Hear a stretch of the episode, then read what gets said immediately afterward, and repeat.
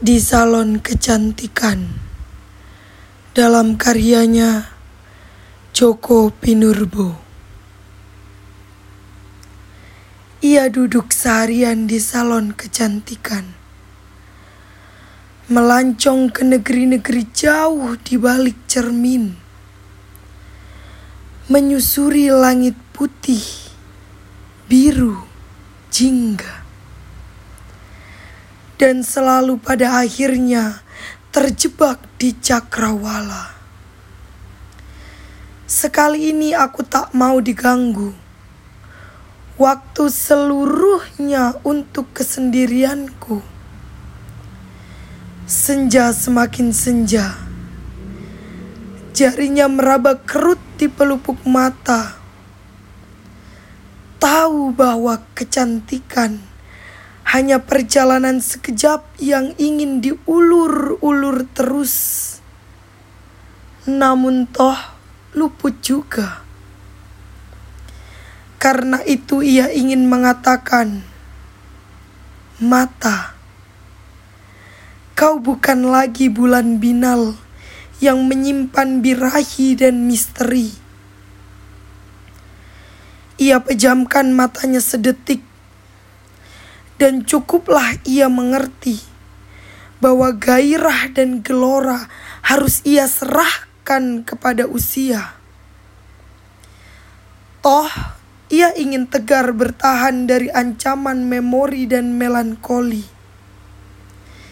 Ia seorang pemberani di tengah kecamuk sepi. Angin itu sayup gerimis itu lembut. Ia memandang dan dipandang wajah di balik kaca. Ia dijaring dan menjaring dunia di seberang sana. Hatinya tertawan di simpang jalan menuju fantasi atau realita. Mengapa harus menyesal? Mengapa takut tak kekal? Apa beda selama jalan dan selama tinggal? Kecantikan dan kematian bagai saudara kembar yang pura-pura tak saling kenal. Aku cantik. Aku ingin tetap mempesona, bahkan jika ia yang di dalam cermin merasa tua dan sia-sia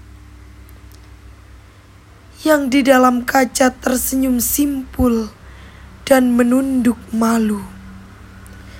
Melihat wajah yang diobrak-abrik warna, alisnya ia tebalkan dengan impian, rambutnya ia hitamkan dengan kenangan, dan ia ingin mengatakan, "Rambut, kau bukan lagi padang rumput." yang dikagumi para pemburu.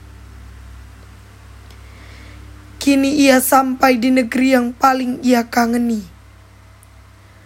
Aku mau singgah di rumah yang terang benderang, yang dindingnya adalah kaki langit, yang terpencil, terkucil di seberang ingatan. Aku mau menengok bunga merah yang menjulur liar di sudut kamar.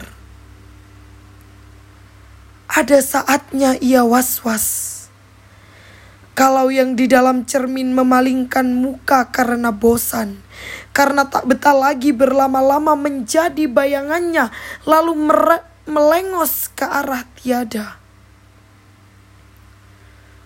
Lagu itu lirih, suara itu letih. Di ujung kecantikan jarum jam mulai mengukur irama jantungnya.